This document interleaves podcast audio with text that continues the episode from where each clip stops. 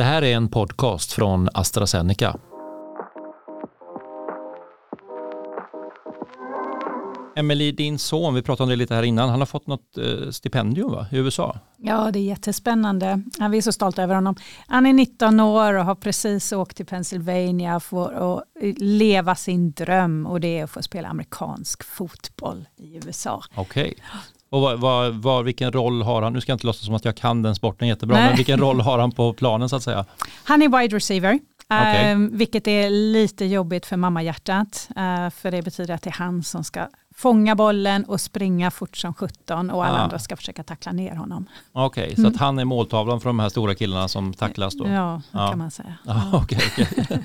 Anna, du har också, finns, det finns väl eh, sport i din familj också, eller hur? Hockey? Ja, men precis. Hockey är det stora familjeintresset. En son som spelar ishockey. Mm, i SSK. Och där är också en del tackling. Ja, där Hur är det med ditt mammahjärta? När... Ja, det är väldigt jobbigt. Ibland får man eh, blunda och titta åt ett annat håll. Det, det gör ont. Det gör ont. Ja, just det. Just det.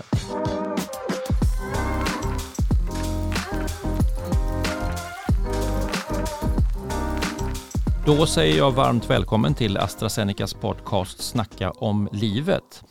Och idag så har vi två gäster som är härifrån AstraZeneca. Eh, så jag säger varmt välkommen till Emelie Antoni, chef för AstraZeneca i Norden. Välkommen! Mm, tack så mycket, roligt att vara här.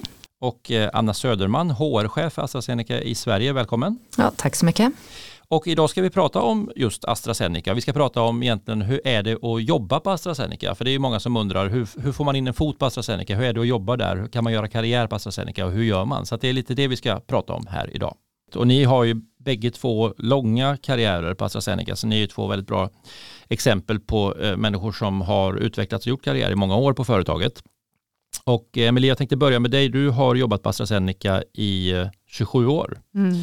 Eh, och du har haft många roller eh, runt om i världen. Du har varit eh, chef för AstraZeneca i eh, Tjeckien och i Slovakien och i Baltikum och flera andra roller. Mm. Hur, hur började allt? Vad, ta oss tillbaka. Ja, det började i Göteborg. Jag gick på Göteborgs universitet och vi hade en karriärdag. Uh, och sista året uh, när jag läste biologi där så, så fick jag upp ögonen för läkemedelsindustrin faktiskt. Jag slängde iväg några ansökningar och fick napp på det som var Astra.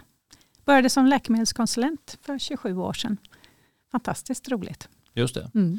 Tänkte du då när du började som läkemedelskonsulent att eh, om ett kvarts sekel så är jag fortfarande på Astra? Jag tror inte jag hade tidsperspektivet med mig så mycket, men däremot så var jag helt inriktad med min eh, science-bakgrund så skulle jag ju in och jobba mer i klinisk forskning. Nu 27 år senare så har jag ju spenderat mestadels av min tid i olika kommersiella roller, vilket är lite spännande. Det hade jag inte planerat. Nej, och det är väl det som också styrkan med ett stort bolag, att det går liksom att göra karriär och jobba med väldigt mycket olika saker, både i Sverige och globalt, utan att så att säga byta bolag. Ja, precis. Ja. ja precis.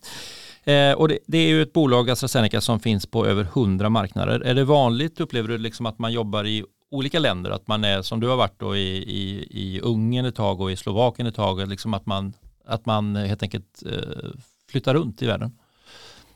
Det kanske inte är den vanligaste rutten som jag har tagit. Eh, men däremot på ett företag som AstraZeneca så finns det ju väldigt goda möjligheter att jobba internationellt. Eh, och, och jobba internationellt och, och, till och med stanna i Sverige om man vill. Både från Södertälje och Göteborg finns de möjligheterna. Jag hade alltid drömmen att jobba internationellt och lära mig andra kulturer och, och liksom komma in i olika länder. Ehm, det tyckte jag var spännande. Så jag har ju hela tiden letat efter de möjligheterna. Och det har tagit mig och min familj till eh, sex olika länder och ehm, massa olika spännande delar som jag har lärt mig av eh, AstraZeneca. Mm, fantastiskt. Anna, du är ju HR-chef för AstraZeneca i Sverige. Eh, hur, hur ser din resa ut? Ja, jag började ju för 26 år sedan, så inte riktigt lika länge Nej. som Emily. Men eh, började i produktionen och hade tänkt att stanna på AstraZeneca ett år och sedan resa och nu 26 år senare är fortfarande kvar. Mm. Och det som vi pratade om, det finns så otroligt mycket möjligheter och eh, ja, alla olika områden som vi är, eh, verkar inom. Så att eh, jag blev kvar. Så jag har jobbat både inom det svenska marknadsbolaget när vi hade det, det nordiska marknadsbolaget, jag har jobbat i globala och lokala HR-roller. Eh, och jag har lämnat HR ett tag när jag var på marknadsbolaget och jobbade som projektledare för ett stort eh, projekt vi hade med för allmänläkare. Eh, och jag har jobbat som chef ute i verksamheten. Så att många olika roller, alla olika sättområden som vi har. Mm. Men om man nu sitter och lyssnar på det här och känner att, liksom att AstraZeneca är ju ett spännande företag, jag vill jobba där helt enkelt. Eh, vad är ditt bästa tips? Hur, hur, går man tillväga för att få jobb på AstraZeneca? Eh, ja, jag skulle rekommendera att man går in på vår hemsida för där ligger alla våra lediga tjänster. Eh, man kan även eh, vara aktiv på LinkedIn där vi också publicerar alla möjligheter som vi har internt. Så att, och sen självklart nätverka med de som man känner som jobbar på AstraZeneca för att se vad det finns för möjligheter. Mm. Och vad, vad bör man ha för bakgrund och utbildning? Måste man vara utbildad inom då farmakologi eller kemi eller liknande? Eller Nej, det behöver man absolut inte vara. Vi söker ingenjörer och vi söker statistiker. Eh, vi söker IT-roller, AI stort nu. Vi behöver mycket kompetens inom det området.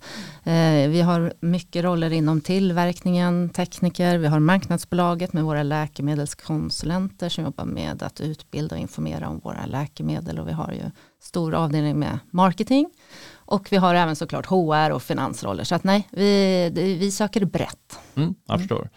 Och Emelie, om man, om man nu då får in foten och får jobb på AstraZeneca, hur ska man göra Eh, skulle du säga för, liksom, för att utvecklas inom företaget? Vilka möjligheter att växa och avancera upplever du att man har på AstraZeneca? Mm, jag skulle vilja säga att man har väldigt goda möjligheter. Um, först, eh, först och främst så måste man ju såklart göra ett, ett bra roll i den eh, en bra jobb i den rollen man kommer in i.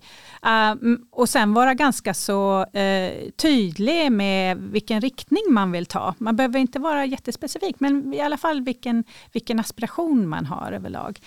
Uh, och sen skulle jag också säga att fortsätta vara nyfiken, öppen, vilja lära sig nya saker kommer det ett nytt projekt som man eh, inte kan så mycket om, man, man kanske ska räcka upp handen och, och uh, hänga på och lära sig, ta, ta chansen att lära sig någonting nytt. Mm. Um, då brukar folk få ögonen för en. Gå, gå lite Sen, utanför komfortzonen. Ja, precis. Mm. precis. Mm. Go for it. Sen har vi ju processer som, som hjälper en att ha en, en bra dialog med sin linjechef uh, och också väldigt många olika uh, möjligheter att se vad som finns uh, möjligt på, på företaget. Mm.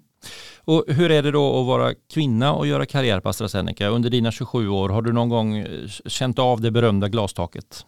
Nej, det kan jag inte säga att jag har. Um, från att ha varit en ganska mansdominerad um, bransch när jag började som, som läkemedelskonsulent en gång i tiden, um, så har jag personligen aldrig upplevt det. Det uh, finns goda möjligheter att utvecklas och jag har haft många, många bra uh, chefer som hela tiden har supportat och, och, och hjälpt till att lyfta. Särskilt under föräldratiden fick man mycket, mycket tid uh, Eh, och mycket support från företaget. Just det. Och Anna, det här har väl varit en helt eh, väldigt medveten utveckling så att säga, där vi har satsat mycket på just jämställdhet och för att män och kvinnor ska ha samma möjligheter att utvecklas och göra karriär, eller hur? Ja precis, vi jobbar ju väldigt aktivt med det här och ser över att eh, det är inkluderat i alla våra processer som vi har när vi jobbar med rekrytering eller när vi jobbar med befordran och utveckling. Att vi har också skapat specifika ledarskapsprogram för kvinnor för att accelerera deras utveckling. Men vi har ju också eh, flexibla arbetstider för de roller där det passar så att man kan kombinera med hämtning och lämning och jag vet att i produktionen har vi också ett system där man som medarbetare då kan påverka hur man lägger sitt skift för att kunna förena privatliv med arbetsliv. Så att eh, vi jobbar väldigt aktivt med att det ska fungera. Just det. Och hur ser det ut med, med könsfördelningen eh, om man tittar på siffrorna? Ja, så idag av våra 7800 anställda i Sverige så är cirka 55% kvinnor. Mm. Mm. Eh, och eh, på chefsnivå? Eh, ja, vi har 53% av våra kvinnor, eller av våra chefer är kvinnor. Och våra seniora roller innehas av cirka 54% kvinnor. Så att vi är, har en bra representation av kvinnor på seniora roller. Just det. Mm. Och, och jämställdhet pratar vi nu då och det är ju en del av, av mångfald kan man säga. Och mångfald handlar ju om mycket mer än bara kön. Mm. hur tänker vi kring mångfald och inkludering i lite större perspektiv? Ja men precis, det handlar ju om många fler områden än bara kön. Eh, vi jobbar väldigt aktivt också med att säkerställa att eh, de som känner sig eh, som en del av en underrepresenterad grupp också känner sig accepterade och att de har en plats med ett socialt nätverk. Och vi har medarbetargrupper för både AZ Pride och neurologisk mångfald och AZ Inspire för våra nya talanger som har kommit in som är lite yngre. Eh, och eh, de jobbar ju aktivt då för att säkerställa att vi har kunskap och förståelse inom företaget för en bred mångfald.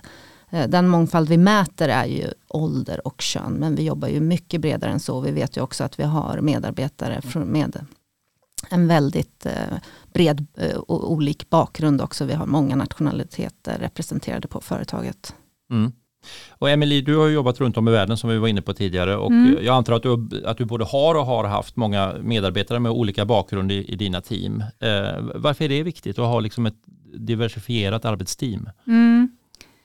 Ja, I min tidigare roll um, i globala teamet när jag jobbade från Cambridge så satte jag ihop ett team på 15 personer och där var vi faktiskt från 11 olika länder. Mm. Och Det intressanta som hände då var ju, att det spelar ingen roll vilket land man är ifrån, men bredden på erfarenhet, perspektiv, eh, hur man eh, angriper problem, hur man samarbetar och så vidare, så har alla olika dimensioner att tillföra.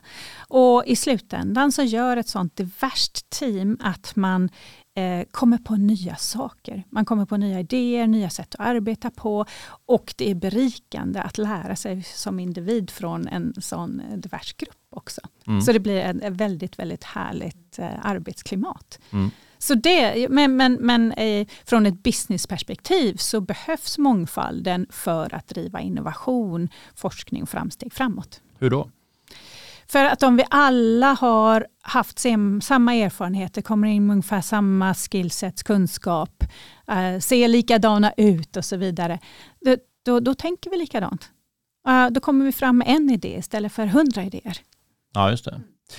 Och, och det här med eh, inkludering, det behöver inte ha med liksom bakgrund eller kön att göra. Man kan ju känna sig exkluderad eh, oavsett så att säga. Hur, hur, Emelie, hur jobbar du för att dina medarbetare ska känna sig inkluderade så att ingen eh, så att säga, hamnar utanför gruppen? Mm. Var ju särskilt viktigt under pandemin när man inte kunde fånga upp alla på kontoret och man sågs eh, dagligdags och så vidare.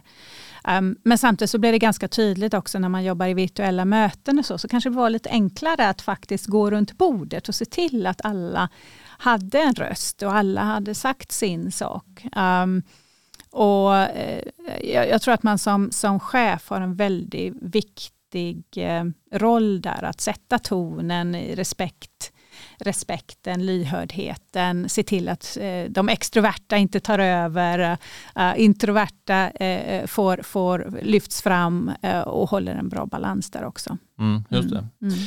Och Anna, alltså det, det är ett stort bolag AstraZeneca, 83 500 medarbetare totalt. Så att det är klart att det finns ju alltid kanske lägen där folk ändå känner att de inte blir inkluderade så att säga, eller de har kanske synpunkter på sin arbetsmiljö eller hur AstraZeneca hanterar något. Vad, vad gör man som medarbetare då? Finns det liksom verktyg och rutiner för att kunna säga ifrån som anställd? Mm, absolut, jag skulle säga att vi jobbar också väldigt aktivt med att skapa den här känslan av en speak-up-kultur där vi förväntar oss att man säger ifrån. Och vi jobbar också aktivt med att skapa psykologisk säkerhet i våra team med både utbildningar och diskussioner och så, så att man känner att man kan säga ifrån om det är någonting. Sedan har vi också eh, satta processer om det är så att vi, om man ser att någon inte följer våra riktlinjer eller policies så finns det en tydlig process för hur man rapporterar det till antingen HR eller compliance så att vi gör en utredning av det. Så att det finns Eh, skulle jag säga. Både de här lite mer mjuka delarna där vi jobbar med att alla ska känna sig trygga med att och eh, prata i sitt team och med sin chef när man ser någonting som man tycker är fel. Men också om det är så att man eh, känner att det är någonting som är helt fel så finns det tydliga processer för att rapportera det också så att det blir ordentligt utrett. Mm, mm. just det. Och, och det, det, finns verktyg och eh, det finns möjligheter som arbetsgivaren ger så att säga. Men hur, hur ser det ut i praktiken? Alltså när vi frågar Eh, medarbetarna, eh, upplever de att det är 100% accepterat eller till och med liksom påkallat att, att säga ifrån? Vet mm. vi vad medarbetarna tycker? Eh, ja, vi har en eh, medarbetarundersökning som går ut två gånger per år och i Sverige så svarade 81 procent av medarbetarna att de känner att de, kan, att de är trygga med att säga ifrån och speak up. Sedan har vi självklart områden där vi behöver jobba mera. Eh, vi är inte perfekta överallt men majoriteten upplever att det är så på AstraZeneca. Mm. Mm. Ja, vi, vi, ska återgå lite till det här med, med utveckling då som vi var inne på eh, förut. Att, eh, att växa på sin arbetsplats, eh, både som yrkesperson och människa egentligen. Och då kan man ju behöva vidareutbilda sig och lära sig nya saker eh, på jobbet. Vilka möjligheter erbjuder AstraZeneca när det gäller utbildningarna? Ja, eh, jag, jag skulle bredda det lite så att för oss så handlar ju det här livslånga lärandet som vi gärna vill att våra medarbetare har om Eh, en utveckling och lärande i det dagliga jobbet med coachning och feedback från både kollegor och chef. Eh, men sen så erbjuder vi också ett väldigt stort utbud av utbildningar. Eh, vi har faktiskt över 200 000 olika utbildningsresurser kan man säga då, på en plattform internt som är öppen. 200 000? Ja, och på 21 olika språk också. Så att, mm. Och det kan ju vara allting från artiklar, böcker, poddar, TED-talks, e-learnings till hela utbildningsprogram. Så det är en väldig variation av eh, material som vi har där. Ehm, och det kan vara både också funktionsspecifika utbildningar men det är också en hel del generella såsom kommunikation eller hur man har ett inkluderande språk eller presentationsteknik och sådär. Så och det är öppet för alla oavsett roll. Mm. Mm. Och Emelie, har du de här 200 000 utbildningarna, du har inte gått alla antar jag, men, men eh, har du haft nytta av att det inte. finns så mycket utbildningar och att det eh, finns möjligheter att växa och utbilda sig i företaget? Ja, definitivt. Eh, både när man byter mellan olika terapiområden som man måste förkovra sig i det medicinska till exempel. Ehm, men också eh, olika ledarskapsutbildningar har ju varit väldigt, ehm, Eh, väldigt bra att gå igenom. Men jag skulle säga ännu mer som, ehm, som ledare så kanske jag har lärt mig mer av när man har tagit på sig ett nytt uppdrag eller um, expanderat eh, in i ett nytt område som man inte kan så mycket om. Um, där det inte finns någon riktig mall eller ritning att gå efter utan där man faktiskt har fått uh, um, känna sig fram lite. Uh, och, och bemöta ganska stora utmaningar och sådana här saker. Mm. Så att, eh, och, och i, en sån, i en sån utmaning så är det ju än viktigare, som Anna var inne på, att man har den här um, so, uh, so, sociala tryggheten i företaget och från chef och, och kollegor runt sig också. Att man både ges möjligheten att utvecklas men också att man, man, man har den där supporten runt sig om man behöver. Mm. Och hur upplever du från dina medarbetare i dina team, finns det eh, en efterfrågan på liksom att vidareutvecklas och utbilda sig och fortbilda sig? Ja, jag tror att det är därför de flesta är på AstraZeneca och därför så många som jag och Anna faktiskt har varit här så många år. Att man hela tiden erbjuds möjligheten och det också ställs krav på att man ska utvecklas och lära sig nya saker. Uh, och, på så sätt uh, driva hela verksamheten framåt. Mm. Uh, Anna, ett, ett instick bara. Vad är, vad är snittsiffran på hur länge man har varit på AstraZeneca? Jag tror att vi är 10,2 år, men jag måste dubbelkolla den. Ja, jag okay. men jag tror att det är 10 år som är genomsnittlig anställningstid i Sverige. Ja, och det är ju länge. Mm. Mm. Något att vara stolt över. Ja, verkligen.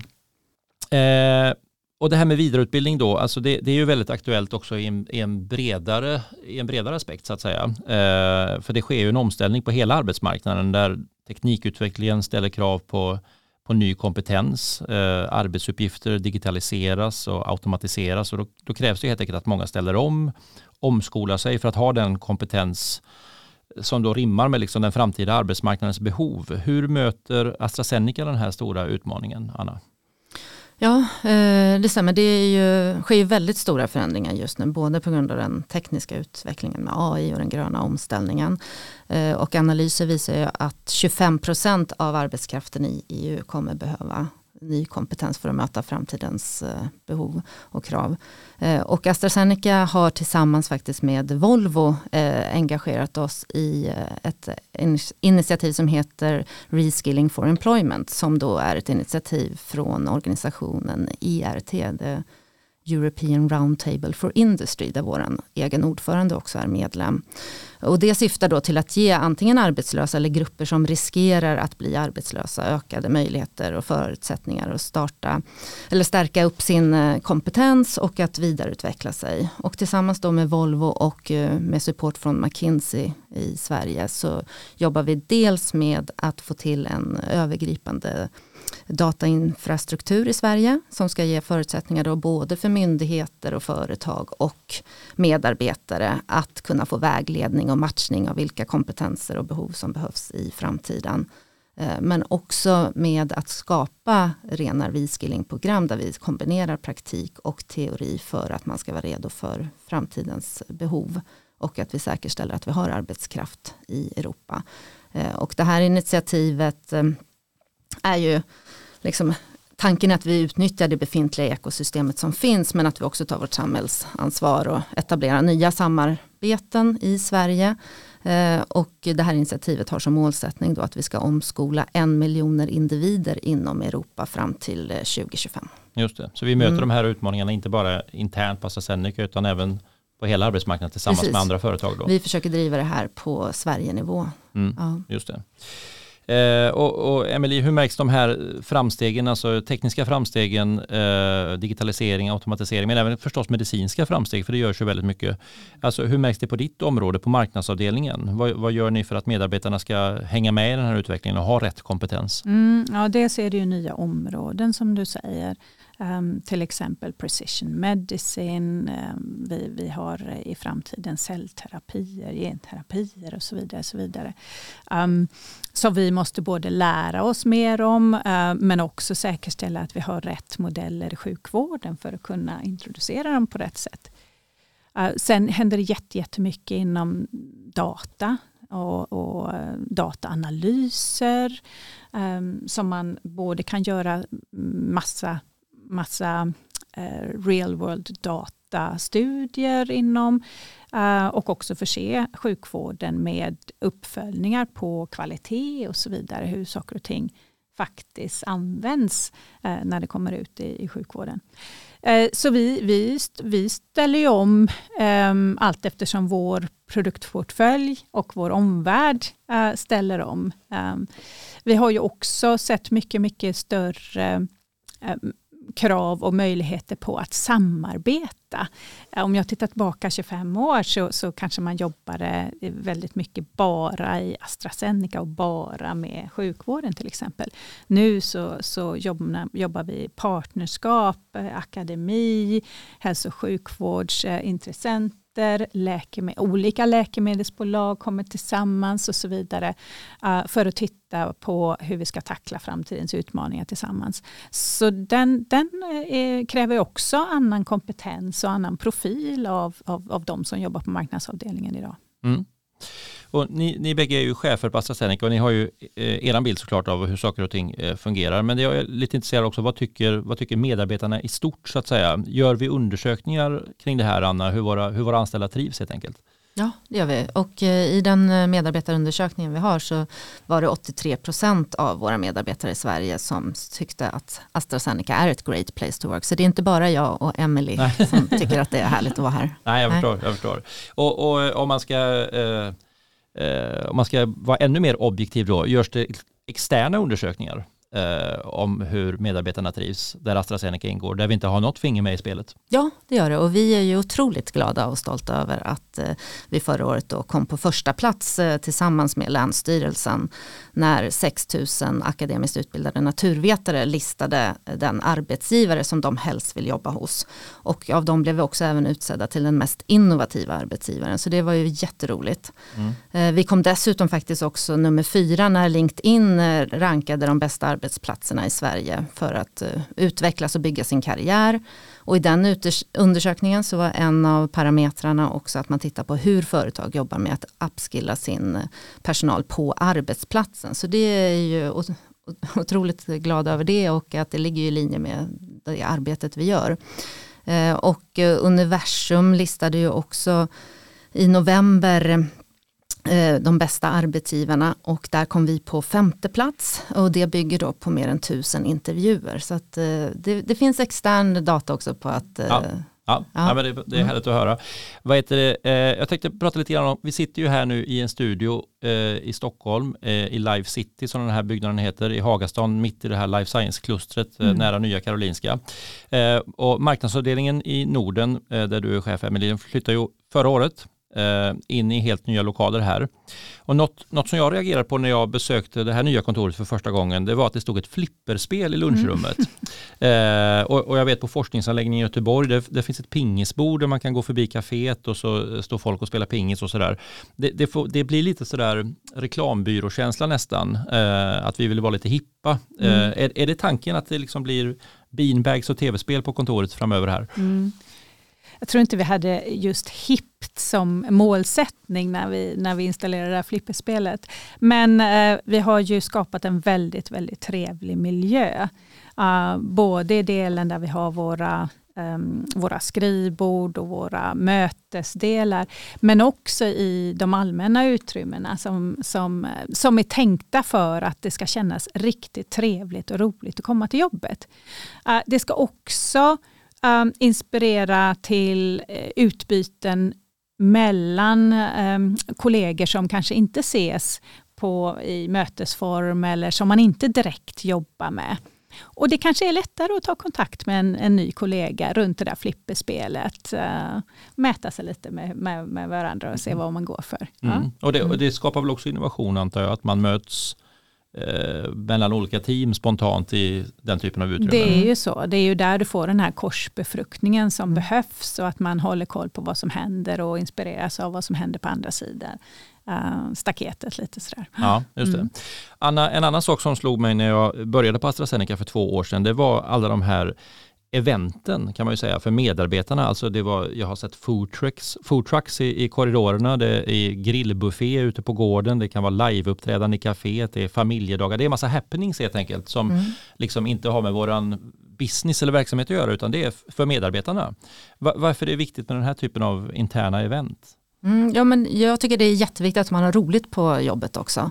Eh, det är en, en viktig del för att vi ska bygga vår kultur och vårt engagemang och en gemenskap och skapa den här bra arbetsplatsen som vi vill att AstraZeneca ska vara.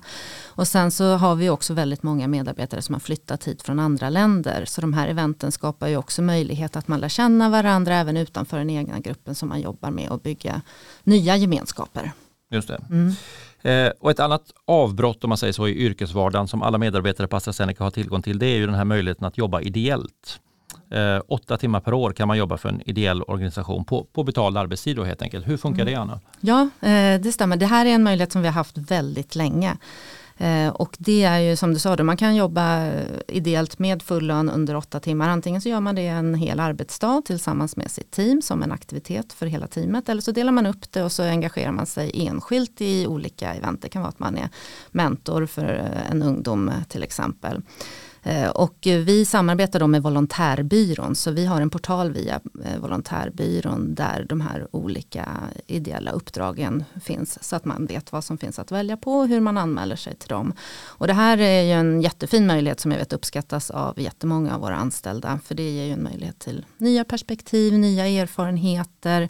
Jag har själv varit eh, och jobbat ideellt både på Maskrosbarn, Ersta flickhem och Eh, Ronald McDonald hus i Huddinge och det är otroligt givande. Mm. Mm. Emelie, har du eller något, något team som du har lett utnyttjat den här möjligheten att jobba ideellt? Mm, det har vi nu gjort i alla länder jag har jobbat i faktiskt. Ehm, det är ju ett väldigt, väldigt fint verktyg att känna dels att AstraZeneca är en del, inte bara i, i, i, det, i det stora utan också i det lilla, i det lilla samhället just där, där, man, där man arbetar och där man bor. Och kunna ge, göra den här positiva impacten. Um, har, har också uh, friserat uh, uh, trädgårdar på seniorhem. Vi har eh, hjälpt och, och Eh, reparera utrustningen på lekplatser utanför baksjukhus och så vidare. Um, och någonting som vi har kontinuerligt kommit tillbaka till är att göra det här som ett team. Att alltså ta de här åtta timmarna och göra det som en hel teamaktivitet under en dag. Då man både får lite teambuilding och också hela grupptillhörigheten och se en större, större resultat som man kan göra eh, som grupp i samhället. Um, Många är ju också väldigt stolta över vår hållbarhetsambition när det gäller miljöaspekten. Att vi ska vara eh, koldioxidneutrala 2025 och faktiskt negativa eh, um, 2030. Eh, och det har gjort att på många ställen så har vi engagerat oss i AZ AstraZeneca Forest initiativet som syftar till att plantera skog um, i, i he, ja, över hela världen. Uh, och, och, det har vi gjort på många ställen som, som en gruppaktivitet också. Mm. Vi har nog faktiskt lagt mer än de åtta timmarna per år skulle jag vilja säga. Ja. Ja. Mm. Och det här är ju helt uppenbart att det tillför liksom en eh, välbehövlig nytta i samhället, då, mm. Eh, de här projekten. Men vad känner du, förutom det då, vad känner du liksom att det tillför till teamet? På vilket sätt är det en, ett tillskott för teamet att jobba med sånt här? Ja, man är ju på AstraZeneca av en anledning och ofta så kommer man tillbaka till att man har någon sorts purpose. Ja? Um, oavsett vilken funktion eller vilken avdelning man jobbar på. Man har valt AstraZeneca som arbetsgivare uh, för att man vill, vill bidra till um, en, en, eh, en, pos en, en, positiv effekt på, på patienter och på samhället överlag. Um, och jag tror att det är jätteviktigt att man alla känner att man kan bidra på ett eller annat sätt. Både genom sitt dagliga arbete men också genom de eh, frivilliga eh, initiativen och projekten man kan, man kan vara med i. Um, jag ska också nämna att förra veckan så tog vi hela vår nordiska organisation, 600 personer, till, eh, från marknadsbolaget till vår forskningssajt i Göteborg Ehm, um, lotsade, jag vet inte riktigt hur vi lyckades, men vi lotsade 600 personer genom um, hela historiken och eh, nuvarande forskningsportfölj som finns där och vi träffade forskare som jobbar med sustainability, som jobbar med, med de nya precision medicines och så vidare. Bara för att man skulle få en helhetsuppfattning om dels vad AstraZeneca står för globalt men också för att man ska få, förankring här i Sverige och i, i, den nordiska regionen. Vilken otrolig styrka vi har när man faktiskt kan, kan eh, jobba på AstraZeneca från idé till eh, verklighet med ett läkemedel ut eh, via produktionen till patient. Hela kedjan kan vi faktiskt göra här i Sverige. Mm. Det, det, och det syftar ju till en, en stolthet att, att jobba för företaget, en eh, motivation för att fortsätta göra det man, man gör och också en drivkraft för att vilja veta mer och vilja utvecklas, fortsätta utvecklas inom företaget. Just det vilja veta mer och vilja fortsätta utvecklas. Jag tycker det är en väldigt bra avslutning på det här avsnittet. Mm. Och vi hoppas att eh, eh, lyssnarna känner att de har fått lite mer inblick helt enkelt hur det är att eh, jobba på AstraZeneca. Eh, så att jag säger stort tack till er Emelie och Anna för att ni gästade podden Snacka om livet. Mm. Mm, tack. tack så mycket.